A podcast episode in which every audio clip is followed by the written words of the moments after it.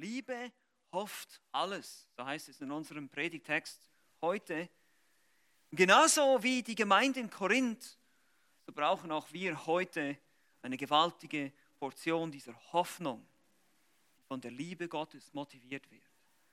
Und es ist wirklich wunderbar, wie der Herr das führt in seiner Souveränität, dass gerade in dieser Woche viele Dinge geschehen sind, die uns traurig machen. Es gab einen, einen Todesfall der Familie von eines unserer Gemeindegliedern. Es gab verschiedene andere Nachrichten, die wir bekommen haben über Krankheit und Leid. Ja, es gab auch schöne Nachrichten, dass Kinder geboren sind. Wir, wir denken immer, was ist, was ist eigentlich unsere Hoffnung? Wir werden immer daran erinnert, was ist eigentlich unsere Hoffnung? Hoffen wir auf dieses Leben hier oder hoffen wir auf das nächste? Wir werden sehen, wie viel die Liebe eben auch mit Hoffnung zu tun hat, der das auch zusammenhängt. Und wie gesagt, auch die Gemeinde in Korinth, der Gemeinde in Korinth herrschte eine Stimmung, die man natürlich nicht gerade als sehr hoffnungsvoll bezeichnen konnte. Vor allem, wenn ihr euch mal versucht, in die Rolle eines Paulus zu versetzen, der diesen Brief schreibt, den ersten Korintherbrief. Und er schreibt auch einige andere Briefe noch, einen sogar unter Tränen, wie er ihn selber nennt. Unter Tränen hat er geschrieben. Er schreibt an diese Gemeinde und es scheint hoffnungslos. Denn diese Gemeinde ist voller Parteiungen, voller Irrlehre, voller Weltlichkeit. Es gab Unmoral, es gab Scheidungen. Eine solche Gemeinde, wenn man jetzt Gemeindegründer ist, aus der Sicht eines Missionaren denkt und man ist entfernt von dieser Gemeinde, man hört von diesen Dingen, sei das in geschriebener Form oder eben auch sogar durch mündliche Reporte, wie wir am Anfang sehen, Kapitel 1, hört davon, was da abgeht in dieser Gemeinde und Hoffnung ist nicht gerade das Erste, was wir haben, sondern vielleicht Frustration, Enttäuschung. Gemeinde in Korinth missbrauchte so einiges, das Mahl des Herrn. Sie, konnten, sie wussten nicht, wie sie das richtig handhaben sollten. Und der eine nahm das Mahl vorweg und benachteiligte den anderen. Und Arme vor allem wurden benachteiligt. Die Reichen hatten einen Festschmaus, während die anderen Hunger hatten.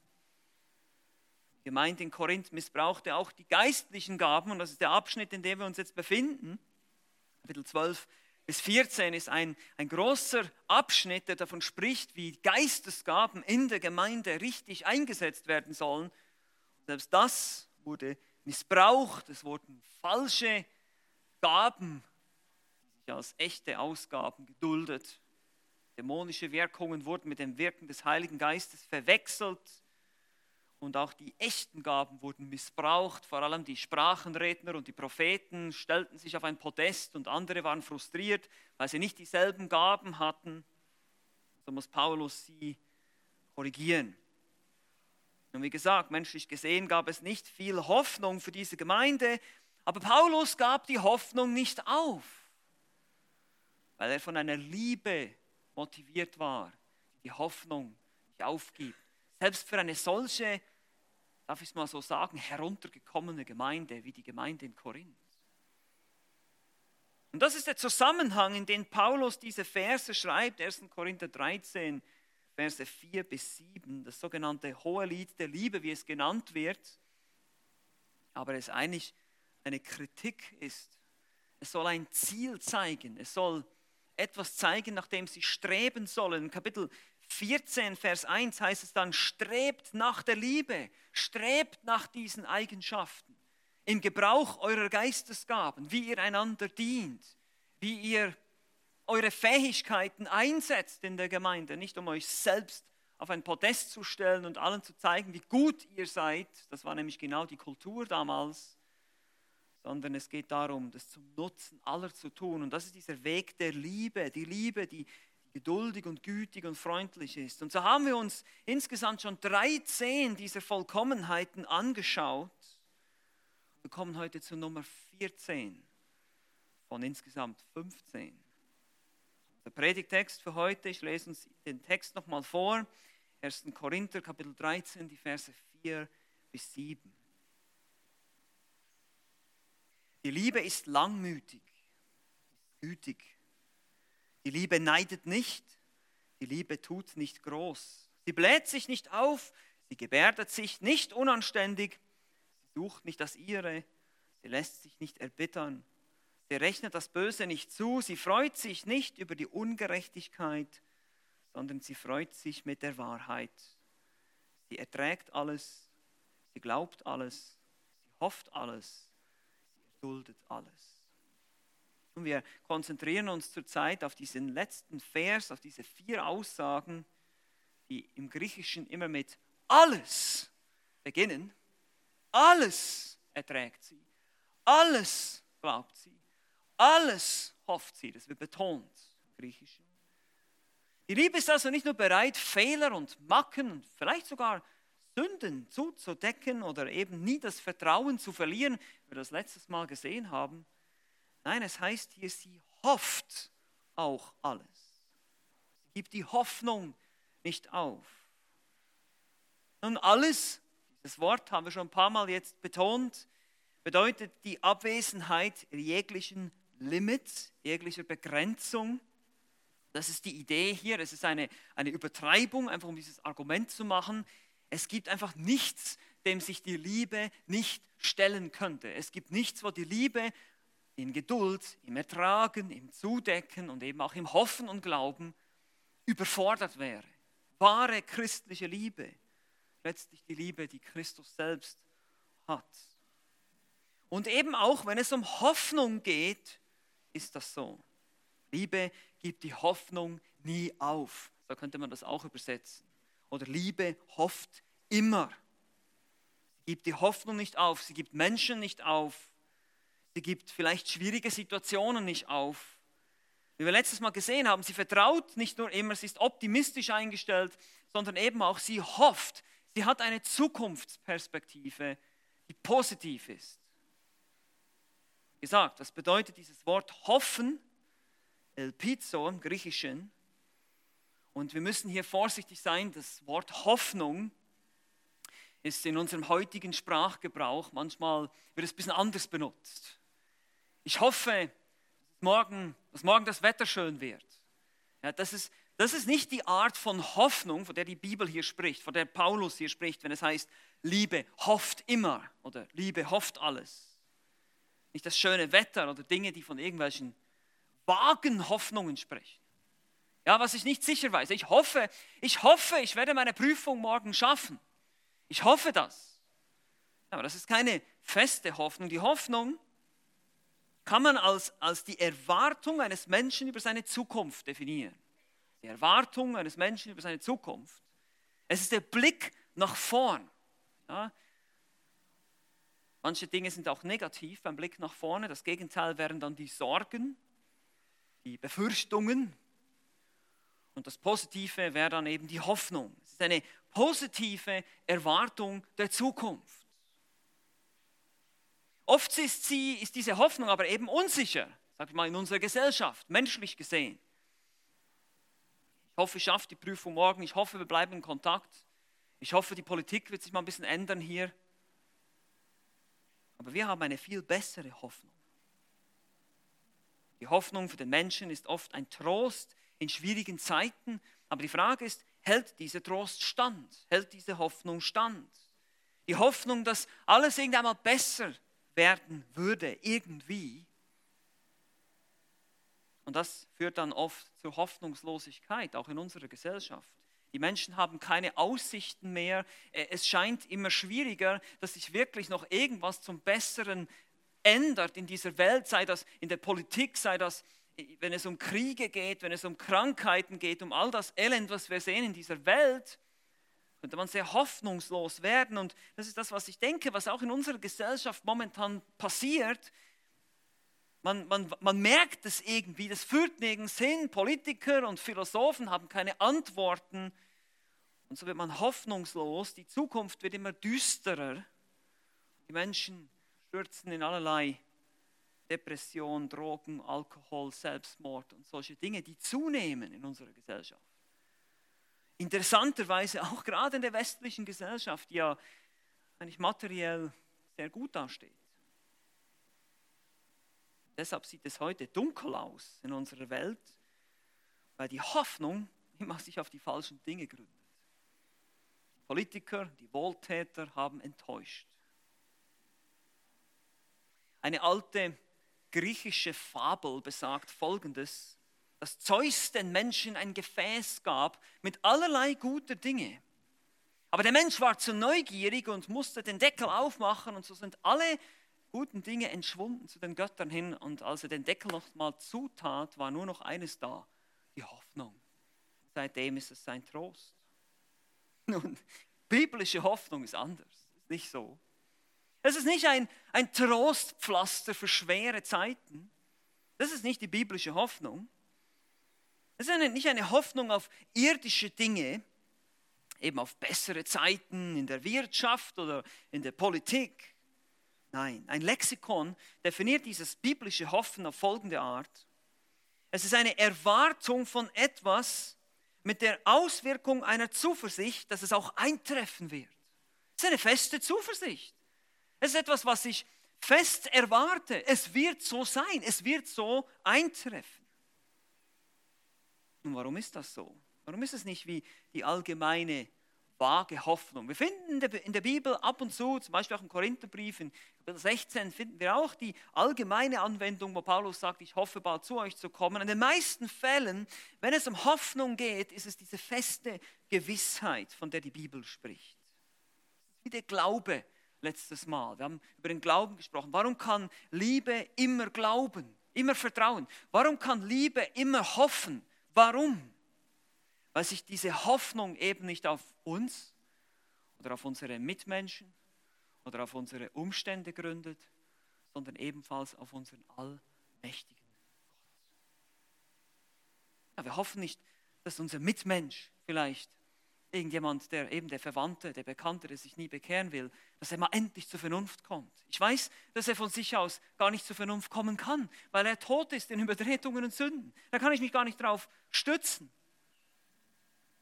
Vielleicht auch nicht auf den rebellierenden Teenager oder den ungläubigen Ehemann, dass der sich mal ändern wird. Darauf kann ich meine Hoffnung auch nicht bauen. Die kann enttäuscht werden.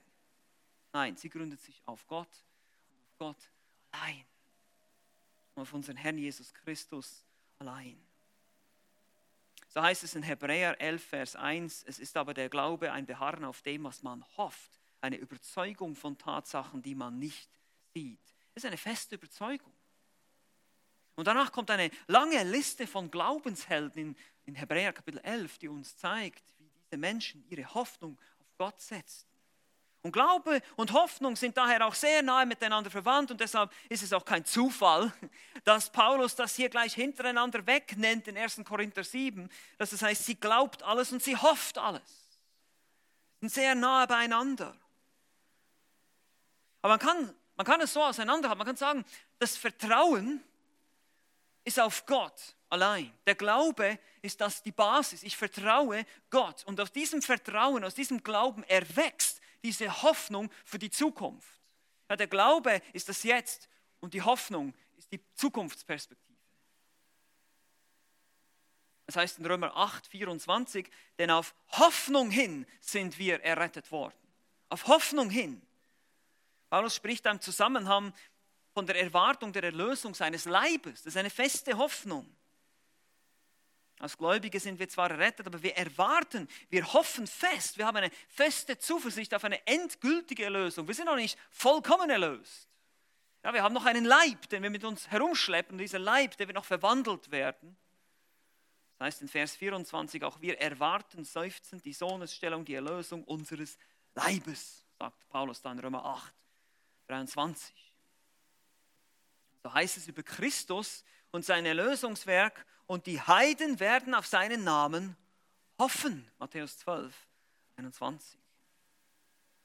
Deshalb auch hier im ersten Korintherbrief selbst taucht dieses Wort genau in diesem Zusammenhang auf. Ein bisschen später im Kapitel 15 und Vers 19, wenn wir nur in diesem Leben auf Christus hoffen, so sind wir die elendsten unter allen Menschen. Paulus spricht hier auch von der Auferstehung, dass wenn es keine Auferstehung gibt, dass unsere Hoffnung eben keine feste Hoffnung ist und deshalb eine feste Hoffnung ist, weil Christus auferstanden ist. Also der Zusammenhang hier immer mit dem Erlösungswerk, mit Christus selber, mit seinen Eigenschaften, eine feste Hoffnung. wann immer wir das im Zusammenhang mit der Erlösung und dem Werk Christi oder der Gnade Gottes antreffen, ist diese feste Hoffnung. 1. Petrus Kapitel 1, Vers 13, darum gürtet die Lenden eurer Gesinnung, seid nüchtern und setzt eure Hoffnung ganz auf die Gnade, die euch zuteil wird in der Offenbarung Jesu Christi. Das ist unsere Hoffnung. Hofft völlig auf die Gnade, ist hier wörtlich im 1. Petrusbrief. Also der Kontext hier im 1. Korinther 13 ist auch, und das haben wir schon ein paar Mal festgehalten, es geht um den Dienst in der Gemeinde, die Gnadengaben, der Dienst am Mitmenschen. Also im weitesten Sinne eben auch der Dienst im Gemeindekontext, die Errettung, die Erlösung, die Heiligung, die Auswirkungen dessen, was Christus getan hat am Kreuz. Und deshalb geht es hier auch auf jeden Fall um diese unerschütterliche Zuversicht, die die Liebe hat. Und deshalb können wir das so übersetzen und sagen, die Liebe hofft immer oder gibt die Hoffnung nie auf. Und das ist interessant, selbst wenn sie in ihrem Glauben enttäuscht wird von jemandem. Ja, wir vertrauen, wir glauben, wir haben das letztes Mal festgehalten, wir wollen so leben, dass wir immer erstmal das Beste annehmen, nicht das Schlechteste. Dass wir nicht immer erstmal kritisch und negativ denken vom anderen, dass er mir jetzt nicht irgendwas vormachen will, sondern ich glaube, dass, aber du kannst dadurch Enttäuschungen erleben. Und wenn dir der Glaube ausgeht, dann beginnt die Hoffnung, dann schaust du nach vorne auf den Herrn, auf die Zukunft. Das ist genau der Punkt. Die Liebe glaubt nicht nur alles, sie vertraut immer, sondern sie hofft auch. Sie hofft auch, selbst wenn du mich jetzt enttäuscht hast, hoffe ich, dass es doch noch besser werden kann mit dir. Selbst wenn ich jetzt Enttäuschung erlebe, hoffe ich, dass sich irgendwann mal was ändern wird, spätestens wenn der Herr kommt. Diese Hoffnung ist fest. Es gründet sich nicht auf momentane Veränderung der Situation. Es kann sein, dass es unser Leben lang so bleiben wird. Aber die Hoffnung gründet sich auf die Tatsache, dass Christus einmal wiederkommt und eine bessere Welt aufrichten wird. Deshalb kann man das so sagen, wenn der Liebe, der Glauben ausgeht, dann wendet sie ihre Augen in die Zukunft und hofft. Das ist die Hoffnung. Und man kann sagen, solange Gottes Gnade am Wirken ist, gibt es Hoffnung. Ja, es wird einmal der Zeitpunkt kommen, wo es für manche Menschen keine Hoffnung mehr gibt. Es wird einmal der Zeitpunkt kommen, wo es ein zu spät gibt. Es ist dem Menschen gesetzt, einmal zu sterben und danach das Gericht. Wir haben nicht ewig Zeit, aber solange die Gnade Gottes am Wirken ist, solange wir hier sind, solange wir am Leben sind, können wir sagen, gibt es Hoffnung. Hoffnung auf Besserung und Veränderung, und zwar nicht wegen mir oder wegen dir, sondern weil Gott mächtig ist weil er das tun kann, weil Gott durch seine Liebe Menschen verändert. Und deshalb gibt die Liebe die Hoffnung nicht auf. Liebe sieht Versagen nie als endgültig. Es gibt immer Hoffnung auf Veränderung. Wie gesagt, wegen unserem mächtigen Gott. Und deshalb gibt es letztlich keinen hoffnungslosen Fall für Gott, für unseren Herrn. Gemeinde in Korinth war wohl sicher nahe dran, wenn man sich nochmal in die Schuhe des Paulus versetzt und überlegt, was da los war, die Zustände vor Augen führt. Und doch hat Paulus im Vertrauen darauf, dass Gott Veränderung schenken wird, weiter diese Briefe geschrieben, den ersten Korintherbrief. Und dann, wir wissen ja, es gab noch mehr Briefwechsel, der zweite Korintherbrief. Seine Hoffnung gründet sich in der Gnade Gottes, die immer noch am Wirken ist und die immer noch Dinge verändern kann. Genau das hat sich bis heute nicht verändert. Liebe hofft immer, selbst wenn es menschlich gesehen überhaupt keinen Grund zum Hoffen gibt, sie hofft immer, weil sie eben nicht auf die Umstände schaut, sondern auf den mächtigen Gott, den wir haben. Wie gesagt, sogar mitten im Leid, mitten in Todesfällen und Verlusten wie wir das in der vergangenen Woche erlebt haben, schauen wir auf unseren Gott, denn er ist unsere Hoffnung und sonst nichts. Oder wenn, wie gesagt, die Ehe deines besten Freundes auf dem Gefrierpunkt ist oder deine Kinder außer Rand und Band oder was immer die Situation ist, wir Leid und Krankheit erleben. Es gibt Hoffnung wegen unserem großen und du schaust in die heutige Gesellschaft, in die Politik, in die Nachrichten, hier gibt es keinen Grund für Hoffnung. Es gibt nur einen Grund zu hoffen. Das ist unser Gott. Und es gibt gleich mehrere biblische Gründe dafür. Und die möchte ich jetzt uns einfach vor Augen führen, wenn wir ein bisschen ein kleines Bibelstudium machen, nochmal über das Wort Hoffnung, auch in welchem Zusammenhang diese Hoffnung verwendet wird, findet man sechs biblische Gründe, ein Leben in hoffnungsvoller Liebe zu führen. Ihr findet sechs biblische Gründe. Wir werden das nur kurz anschauen. Das soll einfach zu deiner Ermutigung dienen. Es gibt mehr als genug Gründe, die wir anführen können. Und das, was ich bis jetzt gesagt habe, müsste eigentlich schon reichen. Wenn ich sage, Gott ist allmächtig, er ist souverän, aber wir wollen das ein bisschen detaillierter anschauen und das in diesen sechs Punkten anschauen. Es gibt sechs biblische Gründe, ein Leben in hoffnungsvoller Liebe zu führen. Eben nicht aufhören zu lieben, nicht die Hoffnung aufzugeben für deine Verwandten oder für deinen Ehepartner oder für deine Kinder oder für wer auch immer dir Sorgen macht vielleicht im Moment. Erstens, die Vergänglichkeit der jetzigen Zeit. Der erste biblische Grund. Die Hoffnung nicht aufzugeben und in Liebe zu leben. Nun, für einen Ungläubigen ist dieser Gedanke einer linearen Geschichte, die zu einem bestimmten Ende führt, die nicht wiederkehrend ist, sondern die einmal zu Ende sein wird, ein, ein schlimmer Gedanke. Aber für uns Christen ist es ein guter Gedanke, ein hoffnungsvoller Gedanke, weil das wird einmal ein Ende haben. Das Leid hier, die Probleme hier, all das, was wir jetzt erleben, das wird einmal ein Ende haben. Das wird nicht ewig so weitergehen. Dem Herrn sei Dank, dass das mal aufhört. Und die Welt vergeht und ihre Lust. Wer aber den Willen Gottes tut, der bleibt in Ewigkeit, heißt es in 1. Johannes 2,17. Das ist Trost. Das ist Hoffnung für uns. Es wird nicht immer so weitergehen. Es bleibt nicht so. Das Warten der Gerechten wird Freude werden. 10, 28. Und die Gottlosen glauben, eine Hoffnung zu haben, aber die wird sich nicht erfüllen. Das heißt es da nämlich auch, aber die Hoffnung der Gottlosen wird verloren sein. Sprüche 10, 28. Aber das Warten der Gerechten wird sich lohnen. Hier siehst du schon, wenn du im Leid bist, wenn du in Schwierigkeiten steckst, die Vergänglichkeit unserer jetzigen Zeit ist schon ein Grund, ein biblischer Grund, in hoffnungsvoller Liebe zu leben. Wir wissen, dieses Zeitalter hier ist nur vorübergehend. Das ist nur temporär. Das ist nur jetzt im Moment. Und das wird vielleicht noch ein paar Jährchen dauern, vielleicht noch ein paar Jährchen länger für die einen von uns oder die anderen.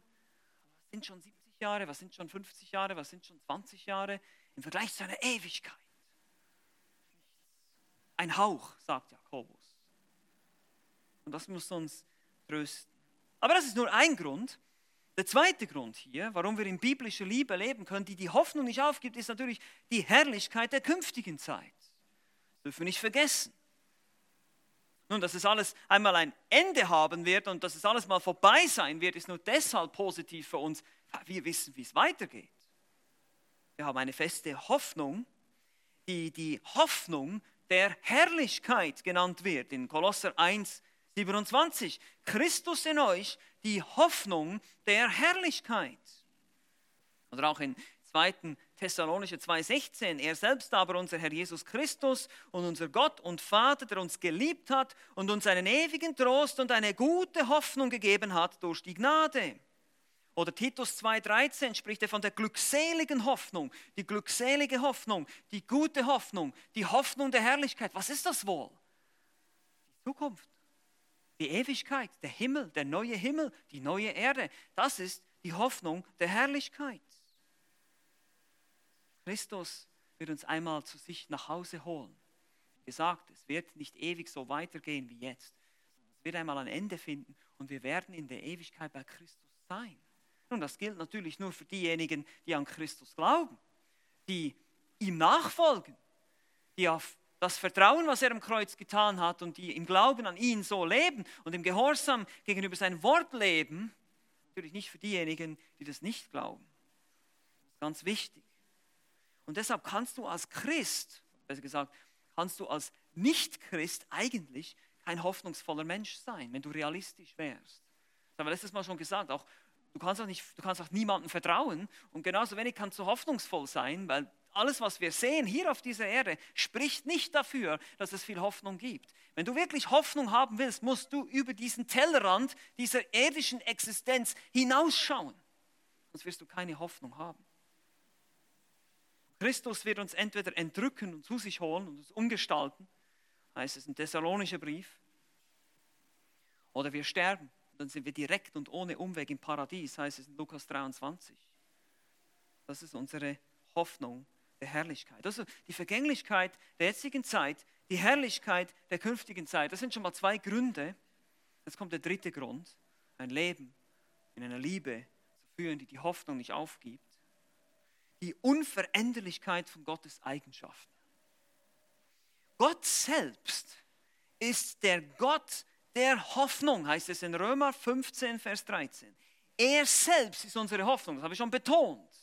Diese Hoffnung kann nur eine feste Hoffnung sein, wenn sie sich auf etwas Festes, Unbewegliches und Unveränderliches gründet. Und das ist unser Gott.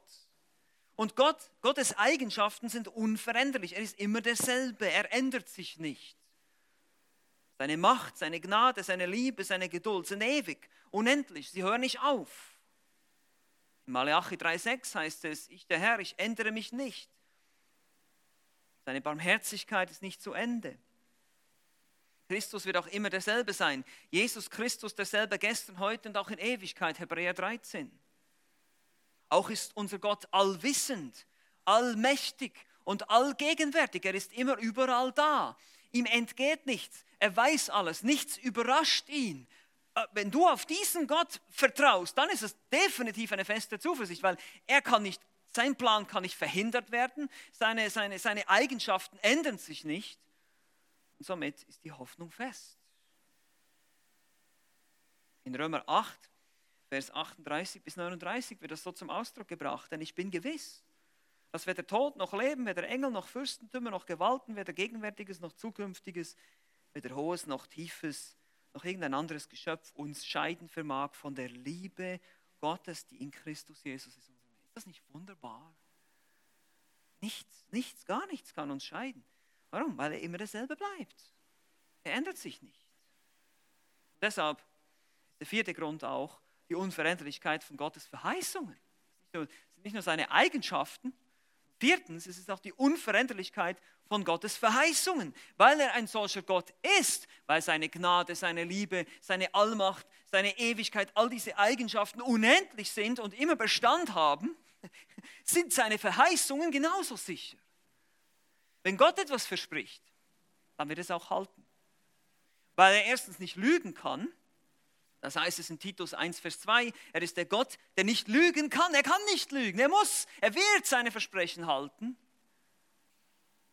Und er hat die Macht, es auch auszuführen. Niemand kann ihn dabei behindern. Wenn ich, wenn ich meinen Kindern verspreche, morgen werden wir zum Spielplatz gehen, na, das sollte ich nicht tun, weil es kann sein, dass es morgen regnet und dann Gut, wir können trotzdem auf den Spielplatz, aber das ist ja nicht so lustig. Eine angenehme Erfahrung. Ja, es können Dinge, Umstände können mich daran hindern, meine Versprechen einzulösen. Bei Gott ist das nicht so. Es gibt keine Umstände, die ihn irgendwie daran hindern können, seine Versprechen, seine Verheißungen wahrzumachen. Und deshalb heißt es in Hebräer 10, 23, lasst uns festhalten am Bekenntnis der Hoffnung. Hier ist wieder dieses Wort. Es ist ein Bekenntnis der Hoffnung. Und hier es, geht es um die Verheißung des Heils im Kontext von Hebräer 10, der Errettung durch Glauben und den direkten Zugang zu Gott. Also ist das Evangelium. Christus öffnet uns die Tür ins Heiligtum. Christus stirbt am Kreuz, bezahlt für die Sünde von dir und mir. Durch unseren Glauben an ihn bekommen wir diesen Zugang zum Heiligtum. Wir können direkt zu Gott kommen. Wir haben jetzt, die Tür ist offen, wir sind angenommen und das ist dieses Bekenntnis, wird es der Hoffnung genannt. Und auch wir, solange wir am Leben sind, solange Gottes Gnade am Wirken ist, gibt es Hoffnung, weil seine Verheißungen sind unveränderlich. Wer immer glaubt, wird gerettet. Wer immer den Namen des Herrn anrufen wird, wird gerettet. Diese Verheißung gilt. Gilt. Die wird er nicht ändern. Das ist heute noch so. Seine Verheißung gilt immer noch. Das Angebot der Vergebung, das Angebot des Evangeliums steht. Denkt an den Übeltäter am Kreuz. In letzter Minute tat er Buße. Bitte, Herr Jesus, denke an mich, wenn du in dein Königtum, Königreich kommst. Und er sagt, noch heute wirst du mit mir im Paradies sein. Verheißung gilt. Letzte Minute. Also wir haben seine Eigenschaften, seine Verheißung, wir haben die zukünftige Zeit, wir haben die jetzige Zeit. Jetzt kommt der fünfte Grund, warum wir ein Leben leben in liebevoller Hoffnung, die, die, die Liebe, die die Hoffnung nicht aufgibt, die uneingeschränkte Souveränität Gottes ist der fünfte Grund. Uneingeschränkte Souveränität. Gott ist souverän. Das bedeutet absolut erhaben und unabhängig in seinem Handeln. Er tut, was immer er will. Und das tut er im Einklang mit all seinen Eigenschaften. Sind wir wieder da. Seine Eigenschaften sind unveränderlich. Er bleibt immer derselbe. Und er tut aber, was er will. Er wird eben, wie gesagt, nicht eingeschränkt von Umständen. Nichts kann ihn hindern, seinen Plan auszuführen. Und dabei ist er immer gut, er ist immer gerecht, er ist immer liebevoll, er macht keine Fehler. Einmal mehr Römer 8, 28. Wir wissen aber, dass denen, die Gott lieben, alle Dinge zum Besten dienen. Alle Dinge. Wie kann er das sagen, wenn Gott nicht souverän wäre, wenn er nicht wirklich alles kontrollieren würde, wenn er nicht über allen der Herr wäre? Wir wissen, das ist keine Vermutung hier in Römer 8, 28, wir wissen, dass denen, die Gott lieben, das ist eine Definition für Christen, das sind die, die Gott lieben. Ja, wenn, du, wenn du Christ bist, dann liebst du Gott, weil er dich zuerst geliebt hat. Und deshalb ist es eine Tatsache. Gott wird für die, die Gott lieben, das gilt natürlich wieder nur für die Gläubigen, wird er alle Dinge zum Besten mitwirken lassen. Gott ist absolut souverän. Er hat all die Ereignisse der Weltgeschichte und alles im Griff. Auch dein nerviger Nachbar oder sturer Arbeitskollege oder wer immer das ist. Gott steht drüber. Gott sitzt auf dem Thron, immer noch. Das gibt uns Hoffnung. Ich kann mir sagen, Gott regiert. Geschieht alles nach seinem Plan. Er macht keine Fehler. Das gibt Hoffnung. Für Gott ist auch nichts unmöglich. Er kann jeden Sünder, noch so schlimm, kann er zur Umkehr bewegen. Jeden noch so schlimmen Menschen verändern. Es gibt auch da Hoffnung. Und deshalb ist der sechste Grund, die verändernde Kraft des Evangeliums.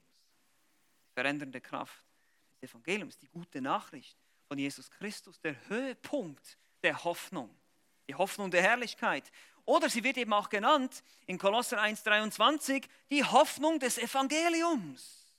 Die Hoffnung des Evangeliums, die Hoffnung, die die gute Nachricht in uns hervorbringt. Die gute Nachricht von der Vergebung unserer Sünde, die gute Nachricht von der Erlösung aus dem geistlichen Tod zum geistlichen Leben, die gute Nachricht von einer Ewigkeit beim Herrn und nicht in der ewigen Hölle. Das ist gute Nachricht, das ist Hoffnung. Die Hoffnung des Evangeliums, das ihr gehört habt, das verkündigt worden ist in der ganzen Schöpfung, die unter dem Himmel ist, sagt Paulus da in Kolosser 1. Und Christus sagt, er ist gekommen, suchen und zu retten, was verloren ist. In Lukas 19, 10. Keine Sünde zu schlimm, kein Mensch zu stur, keine Gewohnheit zu stark. Das Evangelium von Jesus Christus ist die Kraft Gottes zur Errettung. So sagt es Paulus in Römer 1. Wir schämen uns deshalb des Evangeliums nicht, weil es die Kraft Gottes zur Erlösung ist. Die Hoffnung aufzugeben bedeutet letztlich, Gott nicht mehr zu vertrauen ihn aus dem Bild sozusagen auszublenden, aus deiner Perspektive. Es bedeutet zu vergessen, wie kraftvoll das Evangelium ist. Und als Christ solltest du selber verstehen, wie kraftvoll das Evangelium bei dir gewirkt hat. Wie sollte ich die Hoffnung für jemand anderes aufgeben, wo ich doch selber ein hoffnungsloser Fall war? Ist doch so. Wie sollte ich das tun? Liebe zu Gott bedeutet, ihn zu kennen, ihm zu vertrauen und auf ihn zu hoffen, die Hoffnung nicht aufzugeben. Ein Mangel an Hoffnung, meine Lieben, ein Mangel an Hoffnung ist ein Mangel an Liebe. Wenn du nicht hoffst, dann liebst du nicht. Genauso, wenn du nicht glaubst, dann liebst du nicht. Christus hat dich erlöst. Du hast allen Grund zu hoffen. Du hast allen Grund zu lieben. Es ist die Hoffnung, nicht aufzugeben, weil wir Christus kennen. Und deshalb, jetzt seht ihr schon, je, je, je besser wir Christus kennen, je tiefer unsere Beziehung zu ihm ist, desto mehr wirst du ein Hoffnungsträger sein. Desto mehr wirst du eine positive Perspektive haben können in einer Welt voller Probleme und Schwierigkeiten und Tod und Krankheiten und was weiß ich nicht alles. Und die Leute werden sagen, du bist vom Mars, du bist unrealistisch. Und ich sage, nein, ich bin nicht unrealistisch. Aber ich habe mein Vertrauen auf den ewigen Gott gesetzt und nicht auf irdische Dinge. Und genauso hat Christus uns das vorgelebt. Er hat uns geliebt, als wir noch Feinde waren und er starb für uns. Die Frage ist, glauben wir das? Und in dieser Hinsicht, wie gesagt, ist die Hoffnung in dir ein gutes Glaubometer, ja, wo du deine Geistlichkeit bemessen kannst. Wie viel Hoffnung hast du? Bist du ein hoffnungsvoller Mensch? Es ist ebenfalls ein Liebesbarometer. Du kannst auch sehen, wie, wie viel Liebe du hast, wie du liebst. Hast du die Hoffnung oder hast du für bestimmte Leute in deinem Umfeld die Hoffnung bereits aufgegeben? Ah, der wird es nie begreifen. Das wird nie was bei dem. Dann haben wir einen Mangel an Liebe. Erstens mal Liebe zu Gott, natürlich, und dann auch Liebe zu den Menschen. Die Liebe wächst immer, die Liebe zu Menschen wächst immer aus der Liebe zu Gott. Wir müssen erst gefüllt werden, bevor wir das weitergeben können. Wir müssen aber selber die Liebe erleben, wir müssen selber die Liebe erfahren von Gott, bevor wir sie weitergeben können. Gibt es Menschen, die du aufgegeben hast, die du vielleicht nicht mehr betest? Dann fang wieder an damit. Denke an die biblischen Gründe, denke an das, was wir jetzt gesehen haben. Es hat ein Ende. Die Herrlichkeit kommt. Gott ist unveränderlich, seine Verheißungen auch. Er sitzt immer noch auf dem Thron. Sein Evangelium ist kraftvoll. Es gibt keinen Grund. Es gibt keinen Grund. Das ist ganz wichtig für uns Christen. Es gibt für einen Christen keinen Grund für Hoffnungslosigkeit. Gibt es nicht. Aber wenn der Blick getrübt ist, wenn unser Blick nicht auf Christus ist, sondern auf irdischen Dingen, dann wird eine Hoffnung bald enttäuscht. Das ist klar. Aber das sagt uns die Schrift ganz deutlich. Das heißt, wir müssen einen klaren Blick haben auf Christus. Wir müssen einen klaren Blick haben in sein Wort. Und somit wird die Hoffnung wachsen und somit werden wir Hoffnungsträger sein können und diese Hoffnung in Form des Evangeliums in diese Welt hinauszutragen. Ist dein Blick nicht mehr auf Christus und auf seine Liebe und auf seine Güte und auf seine Kraft, dann wird es schwierig mit dem Hoffen. Wie sieht es mit meiner Liebe zu Verlorenen aus? Wie sieht es mit meiner Liebe zu Menschen aus? Habe ich die Hoffnung aufgegeben? Und wie gehen wir also jetzt um? Wie machen wir das mit hoffnungslosen Fällen, wenn man das mal so beschreiben will? Mit Verwandten, die sich vielleicht seit 20 Jahren nicht bekehren mit dem Ehepartner, der sich seit Jahren nicht verändert? Die Antwort ist Liebe, die alles hofft. Solange die Gnade Gottes noch am Wirken ist, gibt es Hoffnung. Was kannst du, aber was können wir jetzt konkret tun? Deshalb möchte ich euch am Schluss einfach noch sechs Anwendungen geben hier. Sind sechs, ne? Ja, genau. Ganz kurz. Sechs, einfach ganz konkrete Punkte. Was kann ich tun? Wie kann ich das jetzt anwenden? Wie kann ich dafür sorgen, dass ich die Hoffnung nicht verliere, dass ich weiter an der Hoffnung dranbleibe, das heißt für diejenigen, die was düster aussieht. Wie gesagt, versucht euch in die Füße oder in die Stelle des Paulus zu versetzen.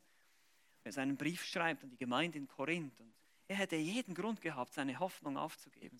Dass, dass das Chaos da drüben in Korinth, dass das, also da ist wirklich alles verloren. Hätte er sagen können, hat er aber nicht gemacht. Er hat einen riesigen Brief geschrieben und das hat ziemlich viel Mut gekostet, sowas zu schreiben. Ihr wisst, wie das manchmal ist, wenn ihr jemanden ermahnen müsst, äh, wenn ihr jemandem etwas sagen müsst, was unangenehm ist, dass das, boah, da denkt man, ach komm, das hat doch eh keinen Sinn, der hört eh nicht auf mich. Ja, wenn alle so reagieren würde, dann hätten wir nicht mal einen ersten Korintherbrief hier vor uns. Also sechs Anwendungen. Für dich persönlich. Erstens, ich habe das glaube ich drin da, erstens, bete. Ja, das ist mal das Erste. Wenn du wachsen willst in deiner Hoffnung oder eben auch in der hoffnungsvollen Liebe, in einer Liebe zu Menschen ganz besonders, wo es darum geht, die Hoffnung nicht aufzugeben, dann bete für sie. Das ist die beste Möglichkeit. Fange an zu beten, jeden Tag für diese Person, die du vielleicht, wo du vielleicht denkst, das wird nie was. Bete für diese Person. Fange an zu beten. Zweitens, natürlich, vertraue auf Gott und nicht auf dich selbst. Gott macht das Unmögliche möglich. Wir können das nicht. Wir müssen auf Gottes Wort vertrauen. Wir müssen auf ihn vertrauen, dass er diese Dinge möglich macht. Also bete, vertraue auf Gott. Drittens, schaue auf das Ende. Ja, schaue auf das Ende. Wir haben es gesehen. Es gibt diese zwei Gründe. Ja. Das erste ist, diese Zeit wird nicht ewig dauern hier, das wird, das wird mal aufhören. Und das zweite ist, in der Zukunft wartet das Schönste, das Beste kommt noch. Und das ist genau das. Wir schauen auf das Ende. Christus wird uns wiederholen. Also lass uns nicht die Hoffnung verlieren. Und deshalb viertens, verkündige weiter das Evangelium. Wir haben gesehen, die, die Kraft des Evangeliums, die gute Nachricht von Jesus Christus, das Verkünd, die Verkündigung seines Wortes. Der Glaube kommt aus der Predigt, die Predigt aus, dem, aus der Verkündigung. Äh, nee, das war verkehrt, ich habe es jetzt auswendig gesagt. Aber ihr wisst, was ich meine. Ich kriege schon durcheinander, weil ich ein bisschen müde bin. Aber das macht nichts. Wir vertrauen auf die Verkündigung vom Evangelium. Wir verkündigen das Wort Gottes und vertrauen darauf, dass dadurch Menschen zum Glauben kommen. Christus ist die Hoffnung. Jeder noch so hoffnungslose Mensch kann gerettet werden. Und deshalb vertrauen wir auf das Evangelium und verkündigen es weiter. Wir hören nicht auf damit. Und fünftens, sei ein Zeugnis der Liebe. Natürlich, wir müssen es auch vorleben. Diese Hoffnung, die in uns ist, dass wir sie nicht aufgeben und Leute links oder rechts liegen lassen, führt dann auch dazu, dass wir ihnen mit Liebe begegnen können. Selbst wenn sie uns vielleicht eben nicht so liebevoll behandeln. Vielleicht tust du was Gutes, vielleicht schickst du eine Karte, vielleicht, ich weiß nicht, was es für Möglichkeiten gibt, ganz konkret in deinem Umfeld, aber wir können zeigen, ich habe dich nicht vergessen, ich gebe dich nicht auf. Glaube daran, dass Gott Menschen ändern kann. Und dann sechstens, deshalb auch vergiss nie, woher du kamst. Ich meine, das ist auch immer ganz wichtig. Titus 3, Vers 3, wir alle waren einst unverständig, gingen in die Irre. Ich war auch mal da. Ich bin auch ein hoffnungsloser Fall gewesen. Mich hätte auch keiner verändern können von außen, sondern Gott, der Heilige Geist, hat in meinem Herzen ein Wunder getan. Er hat mein Herz verändert, er hat mich wiedergeboren. Das ist das, was ich gebraucht habe und das ist das, was jeder Mensch braucht. Er ist mir nachgegangen wie der gute Hirte. Es gibt eine ermutigende Geschichte von einer älteren Dame, die sich ebenfalls auf ihren Tod vorbereitete. Die wusste, dass sie sterben würde. Es war eine gläubige Dame. Und so setzte sie sich mit ihrem Pastor hin, um ihren, ihre Wünsche zu besprechen für ihre Beerdigung. Sie hat gesagt, sie möchte gerne Lieder, die bestimmten Lieder auswählen, auch welchen Text er predigen sollte. Und hatte sie noch zwei spezielle Wünsche. Sie möchte, dass der Sarg offen ist und dass, wenn sie da liegt, dass sie in der einen Hand eine Bibel hat, um zu zeigen, dass das ihr wichtigstes Buch war. Und in der anderen Hand wollte sie eine kleine Gabel und einen kleinen Löffel. Pastor wurde natürlich, Bibel konnte er verstehen, aber mit dem Gabel und Löffel hat er gesagt, was, was ist das? Muss ich das verstehen? Was meinen Sie damit? Nun, Herr Pastor, wissen Sie denn nicht? Jedes Mal, wenn wir im Gemeindesaal gemeinsam gegessen haben, dann hat das Küchenpersonal immer gesagt, behalten Sie das Besteck, das Beste kommt noch. Und ich möchte, dass alle, die meine kleine Gabel und Löffel sehen, wissen, das Beste kommt noch. Das Beste kommt noch. Das war eine Dame, die die Hoffnung nicht aufgegeben hat und so sollen wir auch sein. Wir sollen diese Perspektive haben. Das Beste kommt noch. Diese Perspektive auf diese Zukunft, die gibt uns die Hoffnung, weil unsere Hoffnung gründet sich auf unseren allmächtigen Gott, der uns erlöst hat und uns geliebt hat. Amen.